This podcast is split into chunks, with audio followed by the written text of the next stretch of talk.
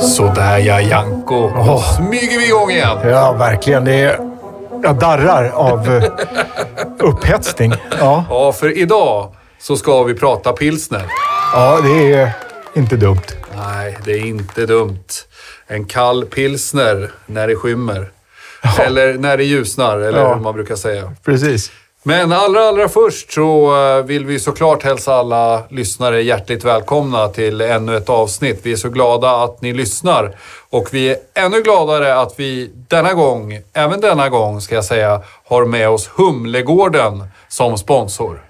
Ja, Det känns fantastiskt. Humlegården, för er som inte känner till dem, de vänder sig ju till alla egentligen som vill brygga öl. Allt från privatpersoner som aldrig har bryggt till riktigt avancerade hembryggare och både små och stora bryggerier. ja. De har ju till exempel har de ju så här startkit för er som vill komma igång med bryggning.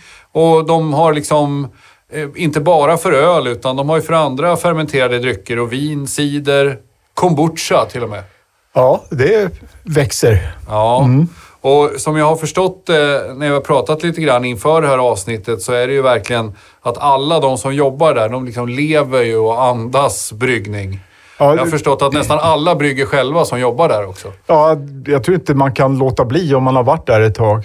Nej. Jag har också fina minnen från början. De har ju hållit på sedan 1992, Svante Ekelin och hans fru Eva.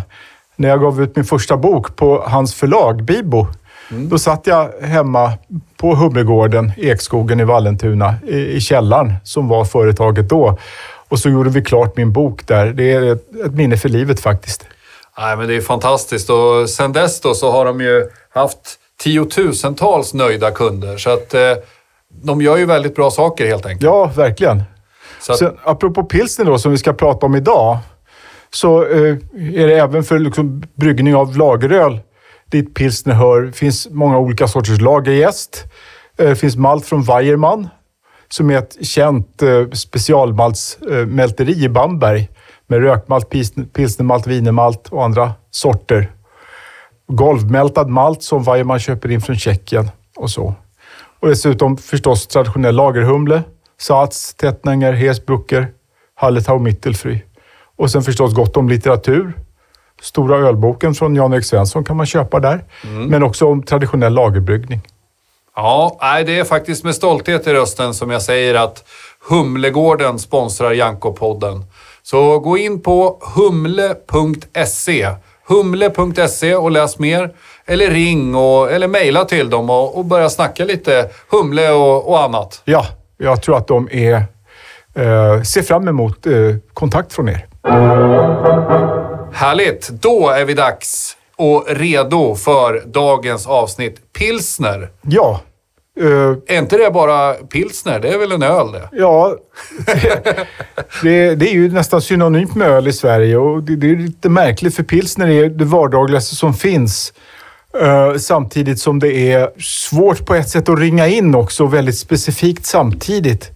Vi har ju pratat ganska mycket i tidigare avsnitt om industriella revolutionen, om, om eh, öltypernas uppkomst, koppling till kapitalismen och så här. Och när man pratar om pilsner så kan man inte liksom undvika eh, bayerska lagerölsrevolutionen. Den är ju central för pilsners um-, uppkomst och det är en förutsättning för pilsners uppkomst och den är en del av samma skeende på 1830 och 40-talet när lagerölsbryggning blir en etablerad industriell metod i dagens Bayern, Österrike och eh, Tjeckien.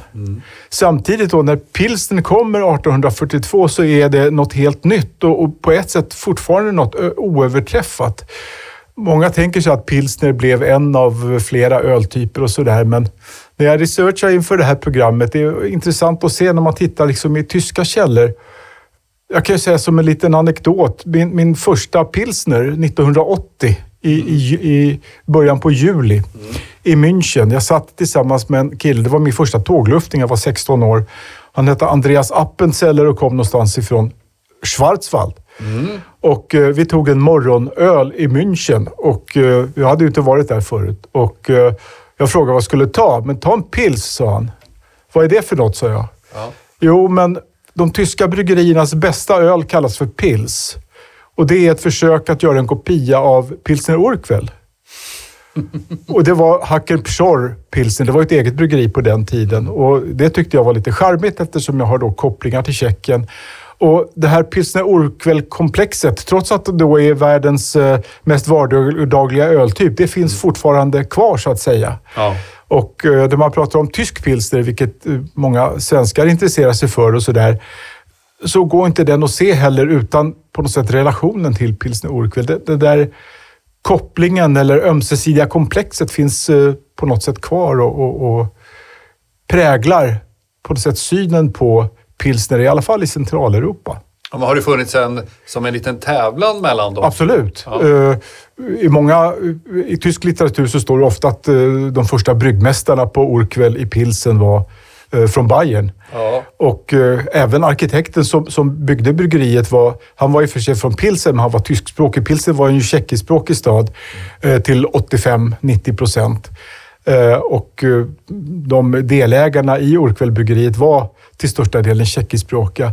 Men de här banden inom ölvärlden eh, gick ju över gränserna och eh, som sagt, det går inte att särskilja pilsnerns uppkomst från den bayerska lagerölsrevolutionen. Så det är liksom både något specifikt för pilsen eh, i en tjeckisk miljö, men också en del av Centraleuropas allmänna lagerölsrevolution. Då. När, när pilsner uppkom, det är ganska välkänt skeende. Jag tänkte dra det i lite stolpar. Men Gärna. Eh, det finns ju olika källor till det. De bästa är de som ligger skapligt nära i tiden. Då. Det är från 1800-tal. 1880 och 90-talet finns det en del festskrifter och annat där det står. Då. Och tydligen så byggdes bara överjäst öl i pilsen eh, på 1830-talet. Lager hade bryggts på andra platser i Böhmen ända sedan 1400-talet, så det var inte okänt. Runt 1840 så var ungefär 10 procent av Böhmens bryggerier lagerölsbryggerier. Sen när pilsen kom så dog det överjästa ölet ut helt på 1880-talet. Bryggarna i pilsen, det här var ju fortfarande på skråtiden. Det var ju liksom ingen fri industri, utan de var väldigt konservativa. De höll sig till överjäst öl när andra bryggerier i trakten, alltså i landsorten runt om pilsen, eh, tog över den bayerska metoden. Men de fortsatte brygga överjäst och eh, de höll uppe priserna dessutom. Så ofta blev ölet gammalt och var alltså inte bra. Så det fick dåligt rykte bland, bland eh, stadens öldrickare. öldrickare. Och då började krogarna i pilsen ta in lageröl från lagerölsbryggerier i grannskapet. Ofta adelsägda, alltså inte från pilsens egna bryggarberättigade borgare. Och det insåg ju folk då att, att eh, en förändring var nödvändig. Det är en känd händelse i februari 1838 när rådet lät hälla ut 36 fat dåligt öl på torget i pilsen. Skaplig vaskning. Skaplig vaskning, verkligen. Och det finns en person som heter Václav Mirwald. Han var krögare med bryggarrätt då, på, på en krog som hette Gyllene Örnen, Zlata och Orla. Och han var drivande, det, det står redan i källor från 1800-talet, han var drivande i frågan om att uppföra ett nytt Bayers bryggeri i pilsen för att kunna brygga ett bättre och billigare öl. Och han uppsökte tillsammans med en kommitté ett antal andra krögare och bryggarberättigade borgare. Eh, borgmästaren i pilsen, han hette Martin Kopetski.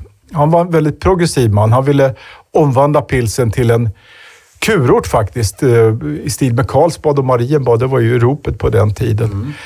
Och de gick till borgmästaren för att klaga på försäljning av öl utifrån och höra borgmästarens åsikt om ett nytt bryggeri.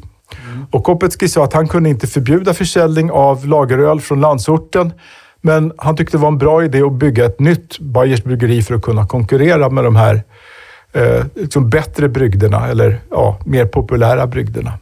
Och eh, ett känt datum, eh, det är 2 januari 1839 när Mirwald och hans kumpaner eh, gjorde ett upprop där de berättade att de stod i begrepp att eh, uppföra ett nytt bayerskt bryggeri på ett ställe som heter Bobernech eh, strax norr om stadsmuren i Pilsen. Och det var 12 bryggarberättigade borgare som gick ihop om det här bygget. Och då, man anställde då en, en lokal arkitekt, Martin Stelzer, och, eh, som hade en medhjälpare som hette Franciszek Filaus och de fick eh, då i uppdrag att rita ett bryggeri och uppföra det. Och de åkte runt för att spana in lagerölsfabriker som fanns eh, då runt i slutet på 1830-talet. Stelzer åkte till München och till Bayern. Mm. Åkte runt i Böhmen, till exempel till Frans Vankas hovbryggeri i Prag. Det hade grundats redan 1805. Men eh, efter en ombyggnad under en bajare som hette Philip Heiss var det Böhmens första moderna ölfabrik. Mm. Eh, I Bayeks stil. Det här namnet Heiss tror jag vi pratade om när vi hade Edvard Blom som gäst. Ja, Stockholms eh, koppling där. Precis. Eh, en släkting till, till honom som heter Frans Heiss. Mm. Han kom till Stockholm 1859 och jobbade tio år på Sankt Eriks bryggeri, sen på Hamburgs bryggeri. Det var han som var med och introducerade pilsnen i Sverige. Mm, han var med och grundade Stockholms bryggerier också. Det är en märisk släkt faktiskt från dagens Tjeckien som flyttade till München och gifte in sig med familjen Sedelmeier som var de som började med industriellt lageröl. Så att det var en, en eh, känd släkt. Och han Philip Heiss som hade byggt eh, bryggeriet, eh, Vankas bryggeri i Prag, han var en känd ölteoretiker från 1800-talets mitt. Då. Mm. I pilsen så lät de då också bygga ett nytt mälteri enligt engelsk modell.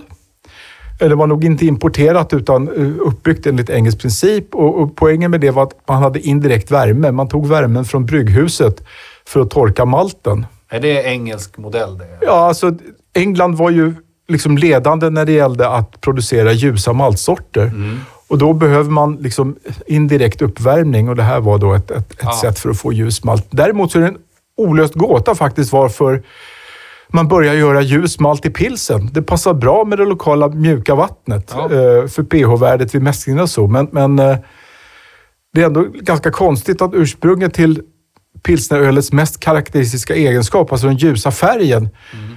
den går inte att förklara riktigt. Alltså det finns liksom inget skrivet om varför man valde att göra ljust öl och det här med pH-värdet tror jag inte de hade sån järnkoll på då. Så att det, det, det tycker jag är ganska spännande. Liksom. Varför blev det ljust öl? Det var ju Bayers öl man skulle kopiera. Ja. Och första brygden då, eh, när bryggeriet hade uppförts och man hade anställt en bryggmästare, Josef Groll från Vilshofen utanför Passau i Bayern. Det kallar de då för Bayers öl från borgerliga bryggeriet i Pilsen. Mm. Den brygden sattes 15 oktober 1842 och serverades på Martinsmäss 11 november. Det är bara Mm. Fem, sex veckor efteråt, så det var inte någon speciellt lång lagringstid på tre Nej. krogar. Gyllene Örnen då som var Václav Mirvalds krog och sen Vita Rosen och en krog som hette Ohannesu. Tre krogar. Mm. Första årsproduktionen var inte på mer än 3 500 hektoliter, så det var inget stort bryggeri i början. Nästan dubblerat tre år senare och sen så började etappvis då utbyggnader med hjälp av, av eh, experter, bayerska och böhmiska experter på tunnbinderi och ölfabriker. Men just det här som du säger att eh, när de då, den här första brygden som kom ja. av Bayers öl, då måste väl alla som hade synen i behåll ha sett att det här är något annat än det bayerska ölet. Ja, precis. Och jag tror att alltså, syftet, bryggarskådets syfte var ju liksom inte att, att, att uh, skapa en världsberömd öltyp, utan det var att, att sälja pilsenöl till pilsens ja, till de som bodde i pilsen ja. för att bli av med konkurrensen utifrån. Så det här är någon sorts liksom ett kapitalistiskt synsätt på att, att uh, helt enkelt um, ja, få tillbaka marknaden. Just det. Mm. Precis som många bryggerier i Stockholm så var det först på 1870-talet som man började bygga ut bryggeriet i, i, större omfattning och det här var i samband med att kylmaskinen kom och sådana saker. Då. En intressant eh, omständighet då att förutom Josef Groll då, som var bryggmästare 1842 till 45 så var alla bryggmästare under resten av 1800-talet bajrare. eh, Sebastian Baumgartner, Jakob Blöchel, Josef Binder. Den första bömaren var en som hette Adolf Bayer. Mm. Lustigt nog Bra eftersom namn. han hette Bayer fast var bömare ja. från en stad som heter i söder om Pilsen. Så att eh, som kopplingen till Bayers teknologi var ju väldigt eh, tydlig och typisk. Mm. Men och, vet man någonting om hur det togs emot i början där? Finns det något sånt? Eh, kan, man kan ju se på volymerna då, att de nästan dubblade volymerna tre år senare. Men... Alltså det gick nog väldigt bra. Eh, en sak man inte får glömma, det här var ju alltså inte, som jag sa förut, tanken var inte att skapa ett exklusivt öl. Det mesta som byggdes i början var det vi idag kallar för 10-gradigt öl, alltså 4-procentigt vardagsöl. Det var inte den här lyxlagen, det var en, en mindre del av produktionen. Mm. Så att eh, det var liksom de lägre priserna som var någonting. Men det där kom ju ropet, det blev ju känt. Eh, mm. I början lite mer genom liksom viskleken och sådär. Mm. Uh, jag kommer tillbaka strax om, om, om ja. till, till, spridning. Jag tänkte bara säga några ord först om, om pilsners egenskaper. Mm. Eh, vattnet eh, för det första är då väldigt mjukt. Man brukar prata om tyska grader traditionellt och det är mellan en och en halv och tre tyska grader, vilket är väldigt mjukt. Mm. Själva brunnsvattnet på bryggeriet, det tvättar man gästen med, så man använder för övrigt stadsvatten, men det är ändå då väldigt mjukt. Och det passar med ljus malt och det tål högra humlegivor utan att det blir bittert. Eh, malten kom redan från början till allra största delen från ett eget golvmälteri av inhemskt korn. Mm. Och maltkaraktären, enligt bryggeriet själva, var från början särskilt viktig i ett, ett öl som är välhumlat. Mm. Det är liksom ingen annan ljuslager som har så uttalad maltkaraktär som, som det här då, som skulle komma att heta pilsner urquell så småningom. Från början så användes inte satshumle. Eh, det fanns en humlegård i västra Böhmen som en kille som hette Josef Fischbach hade uh, utanför Marienbad. Uh, det fanns ju inte våra dagars satshumle. Så småningom övergick man ju till andra sorter. Mm. Uh, gästen köptes från Bayern. Sen började man propagera egen gäst förstås. Vi har pratat i ett tidigare avsnitt om skillnaden mellan Sats och Fråberg-familjerna inom lagergäst. Mm. Och det är det som ibland kallas för Carlsberg och Tuborggäst också. Det är inte helt utrett hur allt det där hänger ihop, men det intressanta då att, att Böhmens lagergäst, även den i pilsen, är ju av Sats-typ. Medan modern bayersk bryggning helt lutar på Fråberg. Och även Carlsberg fick ju sitt, eh, sin gäst från Bayern. Så det kanske var så att allt var av satstyp från början och att det skedde någon sorts mutation till Fråbergs senare i Bayern och att den tog över där. Men som sagt, det är höll lite dunkel.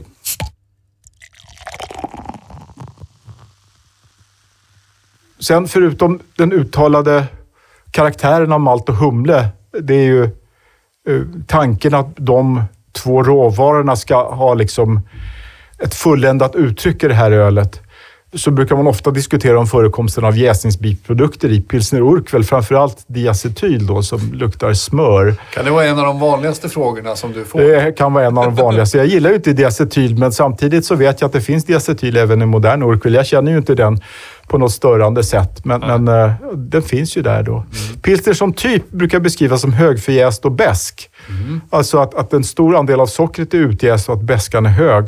Och det var det på sin tid. Och det är fortfarande det i de flesta länder. Men det märkliga med pilsner urquell är att ölet är sig väldigt likt sedan starten. Alltså många detaljer har ju ändrats. Teknologin är ändrad. Humlesorterna som används idag fanns inte då och så vidare. Men eh, pilsner urquell är ju tvärtom då mot hur det var i början. Ett, ett ovanligt lågförjäst lageröl. Alltså en stor andel oförjäst malt finns kvar i, eller ja, oförjäst socker från, från vörten finns kvar efter jäsningen. Dessutom är det då, som vi har sagt, bäskare och eh, mörkare än de flesta andra öl av, av pilsnertyp idag.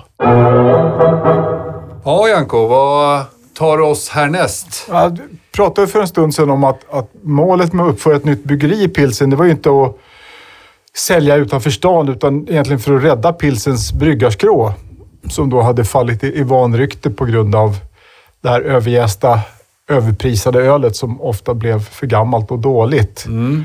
Alltså öltypen i världen dominerades från början, även om det inte var ett stort byggeri, eh, av eh, det öl som idag kallas för pilsner urquell. Eh, och den dominansen, inte minst i Tyskland, finns kvar idag. Alltså relationen som vi pratade om tidigare till det här. Och det är intressant när man följer den här öltypens spridning, att den sprids internationellt och samtidigt överallt i stort sett efter ungefär 1870 Eh, jag kommer in lite grann strax på, på mm, årtiondena före dess, men, men eh, det är inte så att den sprids liksom från land till land, utan genombrottet sker liksom i Tyskland, Sverige, USA och andra länder ungefär samtidigt. Då. Utanför pilsen så började ölet säljas i Prag redan samma år, 1842. Mm. Det var en, en bryggare som hette Karel Knobloch som hade en krog som hette Blå gäddan. Bra, Eh, na- bra namn. Ja, den Ja. krogen finns inte kvar, men det finns ett ställe som heter Opinkaso eh, i centrala Prag, nära Václavplatsen, som började sälja redan 1843. Det finns en känd krog i, i, eh, i Pilsen som heter Ozaltsmano. Det är väl den klassiska pilsnerkrogen där. Han var forkarl från början, alltså han körde häst och vagn Mm. och levererade bland annat ölet till Pinkas. Men han, han blev krögare 1845 och och startade sin ölhall där. Efter 1850 så fanns det pilsneröl i kurorterna. Eh, de tre kändaste på den tiden var Karlsbad, Marienbad och Teplice som ligger i norra Böhmen. 1856 så började pilsner säljas i, i Wien. I Prag var det 35 krogar som hade pilsneröl på 1850-talet. Och, och eh, företaget registrerade varumärket Pilsner Bier 1859. Mm. Det var för övrigt samma år som det serverades i Paris första gången. Och det här ledde ju till att när man skulle göra liksom, kopior av pilsner så var man tvungen att skriva företagets namn, till exempel Radeberger Pilsner, som ta ett exempel från, Mm. från Tyskland. Men det är inte så starkt skyddat för pilsner. Eh, det är ju inget appellation contrôlé, man kan ju använda det som ett typnamn, eh, konstigt nog. Då. Mm. Samma år, också 1859, så avskaffas skråväsendet. Så man kan säga att här sker då en, en transition på allvar till liksom kapitalism. Och något som kom betyda väldigt mycket var att pilsen fick järnvägsförbindelse 1862 eh, med järnväg till Prag. Och redan mitten på 1860-talet så, så exporterades tre fjärdedelar av allt öl från pilsnerbryggeriet, alltså utanför staden. Eh, Och det var tredje största bryggeriet i Österrike på den tiden. Jag tror att det kan ha varit Anton Drehers bryggeri i Schwechat som var det största. Och kanske något av hans andra i Budapest eller Trieste som kom på andra plats. 1869 grundades ett, ett annat bryggeri, ett eh, aktiebryggeri i Pilsen. Det hette Kaiserkväll på den tiden, senare känt som Gambrinus. Det köptes av, av uh, Orkvällbryggeriet 1932. Det som var intressant med det var att det var en, en tyskspråkig ägarmajoritet där, så det fanns liksom en liten Mhm. nationell twist på det där. Och en rolig anekdot är då att första bryggaren där hette Hayek och var tjeck. Eh, medan Orkvells eh, tidiga bryggmästare kom från Bayern. Mhm. Mm. I USA introducerades eh, pilsnerölet i början på 1870-talet. Vi har tidigare avsnitt pratat om bömaren Anton Schwarz Ja. som eh, insåg att man måste blanda ut den nordamerikanska sexradskornet med, med råfrukt för att kunna göra eh, lageröl. Eh, så att redan från början tror jag att, att de ljusa lagerölen som då kom, det står på många hemsidor att man började brygga ljuslager i USA 1840, men det, det är förstås nys. Man började brygga underjästöl i USA 1840. Men de ljusa lagerölen kom först eh, ja, runt eh, den här tiden. Mm. 1873 hade alla större städer i dagens eh, Tjeckien öl. Det fanns i Berlin, alltså pilsneröl. Berlin, Breslau, Dresden, Frankfurt, Köln, München, Paris, London, Ljubljana. Eh, om man tittar på bryggerier utanför pilsen, eller utanför dagens Tjeckien, som började brygga kopior av pilsner. Så det har varit väldigt svårt faktiskt i researchen och, och på ett eh, trovärdigt sätt få fram vilket bryggeri i Tyskland som var först. Men eh, Radeberger själva, alltså det är ett bryggeri i Radeberg utanför Dresden i Sachsen. De säger att de från 1872 var det första bryggeriet i Tyskland som enbart bryggde pilsner. Mm. Det kanske stämmer. Sen kan jag inte svära på att, att de bara gjorde det.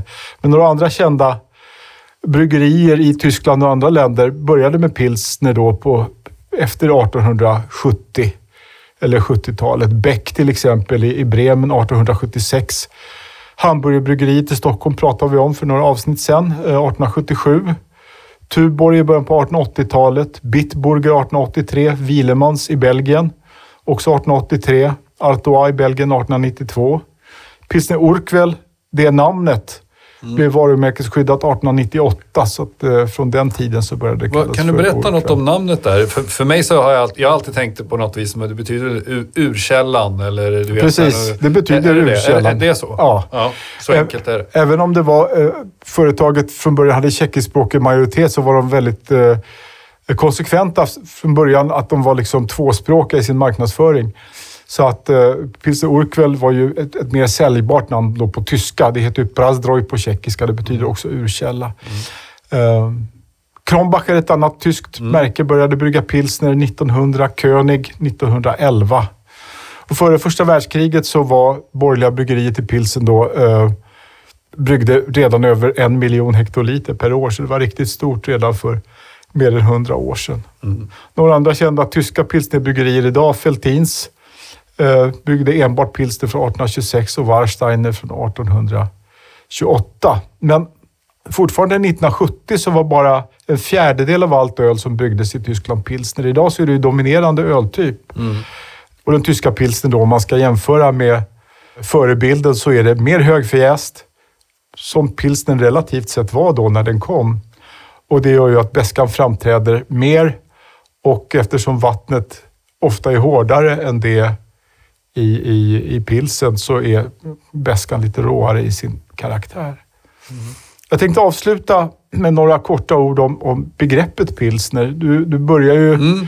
med det, så här, pilsner är inte det bärs, liksom bara ja, så. Och, um, i de flesta sammanhang, liksom, eller det som förstås i alla fall bland ölvänner, då tänker man, som vi har tjatat om flera gånger i det här poddavsnittet, då, att det är relativt högförjäst öl, en ljus lager som ofta är mer eller mindre välhumlad. Det, mm. det kan liksom alla vara överens om. Lite besk, krispig. Besk, krispig. Ja, ja. Eh, vilket ju även pilsner Urquell var. Nu tänker man ju mer på att den är maltig och rund liksom, mm. och besk. Mm. I många länder så är pilsner som begrepp synonymt med ljus lager helt enkelt. I Tjeckien så betyder öl från pilsen. Ofta menar man ju pilsner Urquell. När man säger liksom pilsner så menar man pilsner Urquell, inte Gambrinus eller från något av det halvdussin bryggerier. Men rent eh, liksom språkmässigt så skulle även en stout från en craft brewery pilsen vara en pilsner. Det är ju mm. från pilsen. Mm.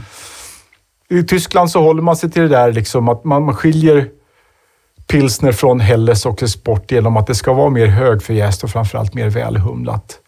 Nach Pilsner Brauart. Eh, det är en ganska viktig distinktion i, i Tyskland. I Sverige fanns ju länge vid sidan då, eh, vilket vi pratade om för några avsnitt sedan, av många andra öltyper också. Men de två dominerande lagerölstyperna var ju det som kallas för pilsner och lager. Så även här så gjorde man en, en eh, tydlig åtskillnad mellan mer högfjästa och bäskare, ljusare pilsnern och den maltigare, mindre humlade och ibland kanske lite mörkare lagern. Och senare blev pilsen en skatteklass som motsvarar folköl. Och det, det gav väl begreppet pilsner ett ganska dåligt rykte, liksom pilsnergubbe och pilsnerfilm och sådär. Mm. Och eh, idag i folkmunt oftast, som vi har sagt några gånger, synonymt med öl. Avslutningsvis tycker jag det kan vara värt att notera att internationella lagerölsmärken som ju inte är speciellt lika pilsner Urquell kan man tycka idag. Jag tänker på Carlsberg, Heineken. De kallas ju för pilsner på sina hemmamarknader. Mm. Så att eh, jag skulle säga att, att uh, en relativt krispig lager som är ljus, det förstås som pilsner i de flesta sammanhang. Mm. Mm. Även fast det inte är helt korrekt? Ja, jag vet inte vad som är korrekt Nej. i de här sammanhangen. Jag, jag har ju själv vacklat i det här. Jag, jag har ibland kallat all ljus lager för pilsner till exempel. Mm. Uh, amerikansk Budweiser skulle man kunna kalla för en pilsner. Mm. Men det är svårt att komma ifrån att, att fortfarande då pilsner Urquell, trots att det är liksom ägt av ett uh, multinationellt uh, Japanbaserat företag och allt sånt där. Det är liksom eh, det är enastående inom begreppet pilsner fortfarande. Mm. Ja. Nej, men det är ju en av de första, alltså för mig i alla fall, så här smakminnen när det gäller öl. Om, om vi har eh, pratat om modern lager och så vidare när man provade Helles, för, eller vad heter den, Hell första gången och så Ja, vidare. från Jämtland ja. ja. Så var ju pilsner för mig en av de första som jag vet, jag vet inte vad det var. Jag, jag tyckte alltid den var godare på något sätt. Den var krispigare än vad de här vanliga första ja, ljus starköl man hade druckit. Ja. Så jag vet att när man var ung, jag försökte ofta beställa, fick man alltid på fot sådär. När man, ja, det, det, jag vet inte, det var någonting med det som tilltalade mig. Om det var bäskan eller vad det var som, ja, någonting var det. Men sen i, i Tyskland då, som du säger, då har du ju Helles och export och för att krångla ja. till det ännu mer. Oftast när jag åker till Tyskland, jag brukar skoja med mina eh, resedeltagare där att de inte får dricka pilsner. För det är en, en utländsk öltyp. Nu när vi är i Franken till exempel, då ska vi dricka frankiskt Vollbier, Kellerbier, Rauchbier, Schwarzbier, alltså lokala mm. Märzen kanske. Uh, men det finns ju mycket bra liksom, pilsnerkopior även där ja, förstås. Ja. Nej, pilsner, det gör ju att man... Det vattnas i munnen när vi pratar om de här sakerna.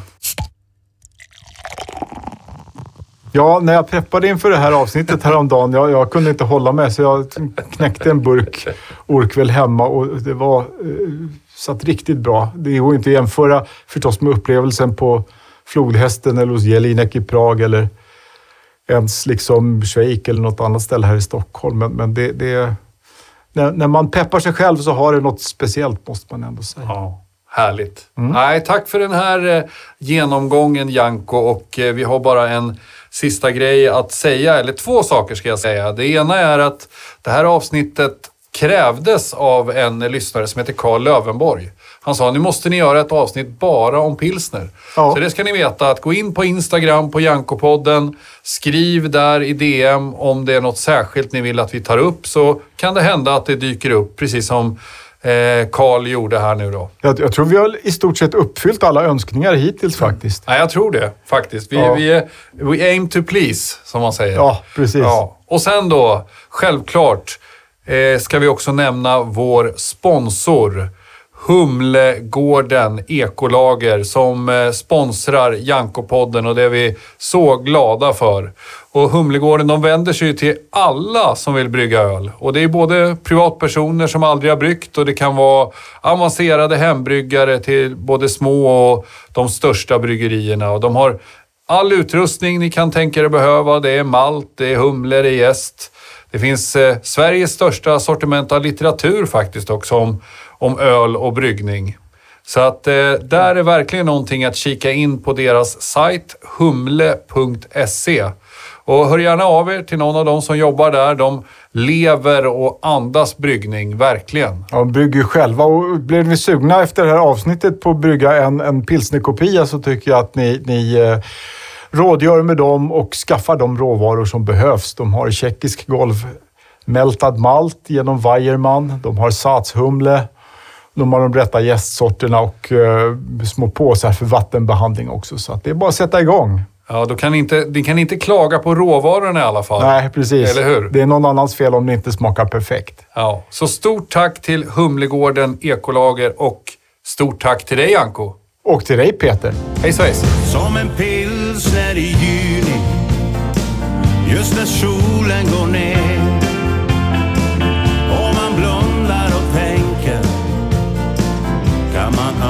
man